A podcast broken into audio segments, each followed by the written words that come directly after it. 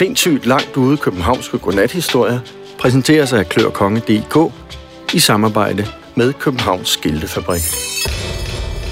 Preben Jenka I 1933 blev der på Østerbro født en lille dreng, som så meget mærkeligt ud. Det gør spædbørn jo ofte, men dette drengebarn så særligt løjerligt ud, fordi han var i besiddelse af et decideret kraftigt kæbeparti. Moren ømmede sig efter at have født den bredhovede unge.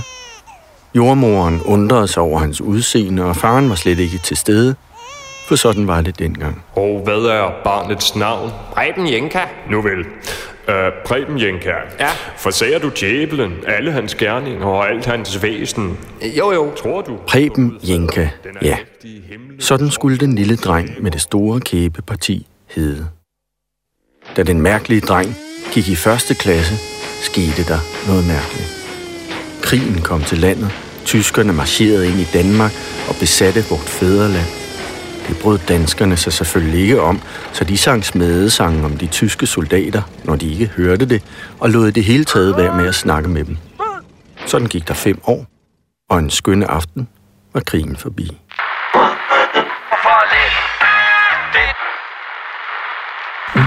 I dette øjeblik meddeles det, at Montgomery har oplyst, at de tyske tropper i Holland, Nordvesttyskland og i Danmark har overgivet sig. Og sporten. KB lammetævede AB med hele 3-0 i det spændende Og så kom de engelske og amerikanske soldater, og danskerne tog pænt imod dem, ikke mindst fordi de havde bananer og cigaretter og tykkegummi. Here, grab some chewing gum, kid. Yes, thank you, Mr. Soldier. Preben Jenka havde aldrig set tykkegummi før, end sige tykket på et. Men da han først fik et stykke i munden, og det gik op for ham, at man bare kunne tykke løs på det i en uendelighed, så var det som om lynet slog ned i ham. Ja, det øh, Bosse, øh, det, er en, det er en metafor. Ja, men Altså, ikke, altså drop det der lyn. Det var ikke Det, nej, det er, det er billedet, ikke? Det er sådan noget, man har i tekster nogle gange. Okay. Så prøv at fjerne fjern det, ikke? Okay? prøv at tjekke det her. Ja, ja. Ja, ja, okay. Ja. Godt nok. Yes, vi kører, vi kører. Fint nok. Preben Jenka blev som besat af tykkegummi. Og det endte med, at han samlede brugte bidder ind for de andre i klassen, så han kunne få bygget sig en ordentlig klump. Til sidst tykkede han på en sej, farveløs bolle på et halvt kilos penge. Om natten placerede han den på sengebordet, for om morgenen at putte den i gabet igen. Og han var lykkelig. For første gang i sit liv var Preben Jenka rigtig lykkelig. Han følte, at han var kommet på rette hylde. Det er ligesom folk med store lårmuskler, der gerne bliver fodboldspillere, eller folk med store hjerner, der gerne bliver forfattere, eller folk med store armbevægelser, der gerne bliver skiltemalere, eller folk med små pilfingre, der gerne bliver lydteknikere. Folk har en tendens til at være gladest i låget, når de kan bruge deres særlige egenskaber til noget. Men ak. Det var jo en pilskæv hylde, Preben var havnet på, ja. Han rutsede så at sige ned ad den hele tiden, for det gik jo hurtigt op for ham, at han aldrig ville kunne leve af at tykke tykkegummi. Efter folkeskolen meldte alvoren sig for alvor. Prebens forældre ville have ham i lære som tømrer eller maler eller kontornusser, hvad som helst. Men Preben ville ikke. Han følte sig ikke godt tilpas med hverken håndværk eller regnskabsbøger. Så i efterkrigstidens København blev det snart et velkendt syn. Denne halvstore, heltriste dreng, der formålsløst drev omkring i gaderne, mens han tykkede løs på sin store og elskede klumptykkegummi. Og mens frustrationerne voksede i hans sind, og tykkegummiklumpen voksede i hans mund, så voksede trafikken også omkring ørerne på ham. For efterkrigstidens København, det var en tid, hvor der var gang i hjulene. Min gode mand, de har netop kørt min kone over, så hendes skinnebensknogle står ret ud af underbenet. Ja, jeg ser, det ser løjerligt ud, men det er vel deres kones egen skyld. Hvor våger de? De tølper. Nå, må jeg være fri, de kulddrager og arbejdsmænd. De skal aldeles ikke kalde mig ved ukvindensord, blot fordi deres kone går og sover i trafikken. Jeg så jo selv, hvorledes hun... Der fandtes også en anden omkring vandrende, lidt halvtrist skikkelse, som var velkendt i gadebilledet på den tid. Og det var selveste overborgmesteren, der gik og spekulerede over, hvad man skulle gøre ved dette trafikale kaos, som var blevet et stort problem for byen. Folk så ikke skiltene længere. De havde fået den dårlige vane kun at stige ret frem for sig, hvilket sikkert skyldtes, at de havde travlt, og at de moderne biler tillod dem at have det. Overborgmesteren tænkte grundigt over sagen, mens han vandrede rundt i byen, og en skønne dag fik han så det ret lyse indfald, at man skulle lave et kæmpe kridttegninger på selve vejen. Pile og fodgængerovergange og stoplinjer og cykelsymboler. For så kunne folk bedre se, hvad der foregik og burde foregå. Man skulle placere symbolerne lige foran næsen på dem, skulle man. Overborgmesteren fik et par betjente til at spære for trafikken i et par minutter og tegnede sig løs på vejbanen med et stykke kridt, og det var for en gang skyld ikke hænkeruder. Det vagte nogen undren blandt københavnerne, men overborgmesterens tegninger havde forbløffende nok en vis effekt. Trafikken gled vidderlig nemmere. Ind til regnen. Et øjeblik efter kom. Kridttegningerne skyllede aldeles væk, ja, de blev båret med den silende regn ned i kloakkerne og derfor ud i Øresund, hvor de gik til bunds som pulver.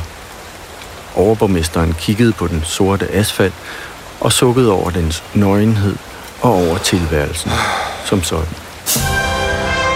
Men så med et fik overborgmesteren en idé, der ikke bare skulle komme København til gode, men snart gå sin sejrsgang kloden over for ude midt på kørebanen fik han øje på en lille hvidlig plet, der ikke var skyllet væk af regnen. Og selvom den sad, hvor bilerne kørte allermest, blev den ikke slidt af, tværtimod. Den blev kun stærkere og mere sammenbit for hvert julepar, der kørte over den. Hvad må det var for en hvidlig plet? Overborgmesteren ilede ud på kørebanen. Det var et stykke tykkegummi. Allerede ugen efter blev der indkaldt til tykkegummi test på Rådhuset. Fra Københavns Kommune skulle finde 30 mennesker, der var i stand til at tykke tykkegummi 40 timer om ugen. Man skulle bruge i tonsvis af tykket tykkegummi til at fuldføre overborgmesterens store vision at lave vær- og trafikbestandige symboler på kørebanen overalt i København parkeringspærer og hejtænder og tegninger af cykler og stoplinjer og stiplede linjer og stregmænd i rullestole og det ene med det andet.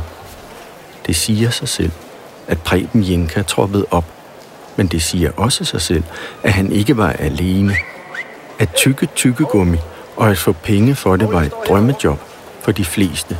Jo vist, der var mange dagdrivere og bohemer i omløb i 1950'erne. For ikke at sige dandier. Preben Jenka satte sig ved et af bordene. Der sad i forvejen 10-12 håbefulde mennesker, men for lige at markere over for de andre, hvem der var kommet til bordet, bed Preben tænderne sammen, så kæbemusklerne svulmede i hans ansigt. Han holdt dog hurtigt op med at spille smart, da han så den pige, der sad over for ham. For mage til kødfuldt underansigt havde han aldrig set og at dømme efter hendes nysgerrige blik, havde hun heller aldrig set mage til kraftigt kæbeparti. Da prøvetykningen blev sat i gang med en startpistol, åbnede Preben Jenka straks en tykkegummipakke og hældte samtlige stykker tykkegummi ind i gabet. Og så gik han ellers i gang med at tykke, mens inspektører fra vejvæsenet gik rundt i hvide kitler og skrev, hvad de så. Aha. De prøvetykkere, der kom til at lave bobler, fik øjeblikkeligt en reprimande, for den slags pjat var der ikke tid til. Der var også dem, der var for hurtige til at tage tykkegummet ud af munden og putte en ny klump ind. De fik også et minus, for smagen skulle tykkes helt ud. Det gik jo ikke, at vejstriberne lå og duftede af pebermynte eller af jordbær. Det ville bare forvirre trafikanterne. Efter tre timer blev tykkegummi-tykkertesten afblæst. Preben Jenka masserede sine kæber og kiggede tilfreds på den store klump gennemtykket tykkegummi, han havde produceret. Han blegnede dog lidt, da han så, at pigen med det fascinerende fyldige underansigt havde tykket sig frem til en klump, der var ikke så lidt større end hans. Deres øjne mødtes kort. Derefter sendte de lidt genert blikket på vandring blandt de øvrige mængder af tykket tykkegummi, og undervejs konstaterede de med tilfredse smil, at de hver især måtte være selvskrevne til jobbet. Og således blev det. Allerede et par dage efter sad de over for hinanden igen. Preben Jenka med det kraftige kæbeparti og pigen med det kødfulde underansigt. Denne gang sad de ude i Vejdirektoratets lagerhaller i Nordvest, hvor de andre, ganske talentfulde tykkere, også blev installeret. Og det var virkelig et meningsfyldt arbejde, dette hold af tykkegummitykkere udførte. Vejarbejderne tog klumperne til sig, så snart de blev spyttet ud, og drog sporen strejs ud for at mase dem ned i den københavnske asfalt, der snart kom til at ligne et stort sprinkelværk af et kunstmaleri. Preben Jenka og pigen med det store, kødfulde hoved, der i øvrigt relativt hurtigt viste sig at hedde Iben, var ubetinget afdelingens bedste tykkere, dens eliteenhed. Deres produktion udgjorde næsten halvdelen af afdelingens tykkede klumper. Iben var måske ikke køn sådan i gængs forstand, men det gjorde nu ikke noget, mente Preben. Hun var god til det, hun lavede, og hun var også sød. Så en skønne dag, eller en skønne fyreaften, tog Preben sig endelig sammen og inviterede hende ud. De tog i palmehaven og dansede til den lyse morgen, og da Preben havde fulgt Iben hjem, og de stod foran hendes gadedør, så satte de deres store underhoveder mod hinanden, så at de tegnede silhuetten af et omvendt hjerte. Og de lavede smagtlyde, der kunne høres helt ud på jordbærvinget i bagsvær. I dag er afdelingen for tykkegummi-tykning blevet nedlagt, for japanerne opfandt en maskine, der kunne klare arbejdet. Det er bare at hælde spandevis af tykkegummi ned i den, så kommer der spandevis af tykket tykkegummi ud i den anden ende. København fik sin første tykkegummi-maskine i 1980. Preben Jenke og Iben havde været gift i adskillige år på det tidspunkt og arbejdede i lige så lang tid, så de trak sig gerne tilbage og levede af den pension, som de fik af Københavns Kommune efter lang og tro tjeneste. Rygtet vil vide, at de bosatte sig i det hjørne af Fyn, hvor der er allerflest æbletræer, og således også allerflest træer at fortælle historier under.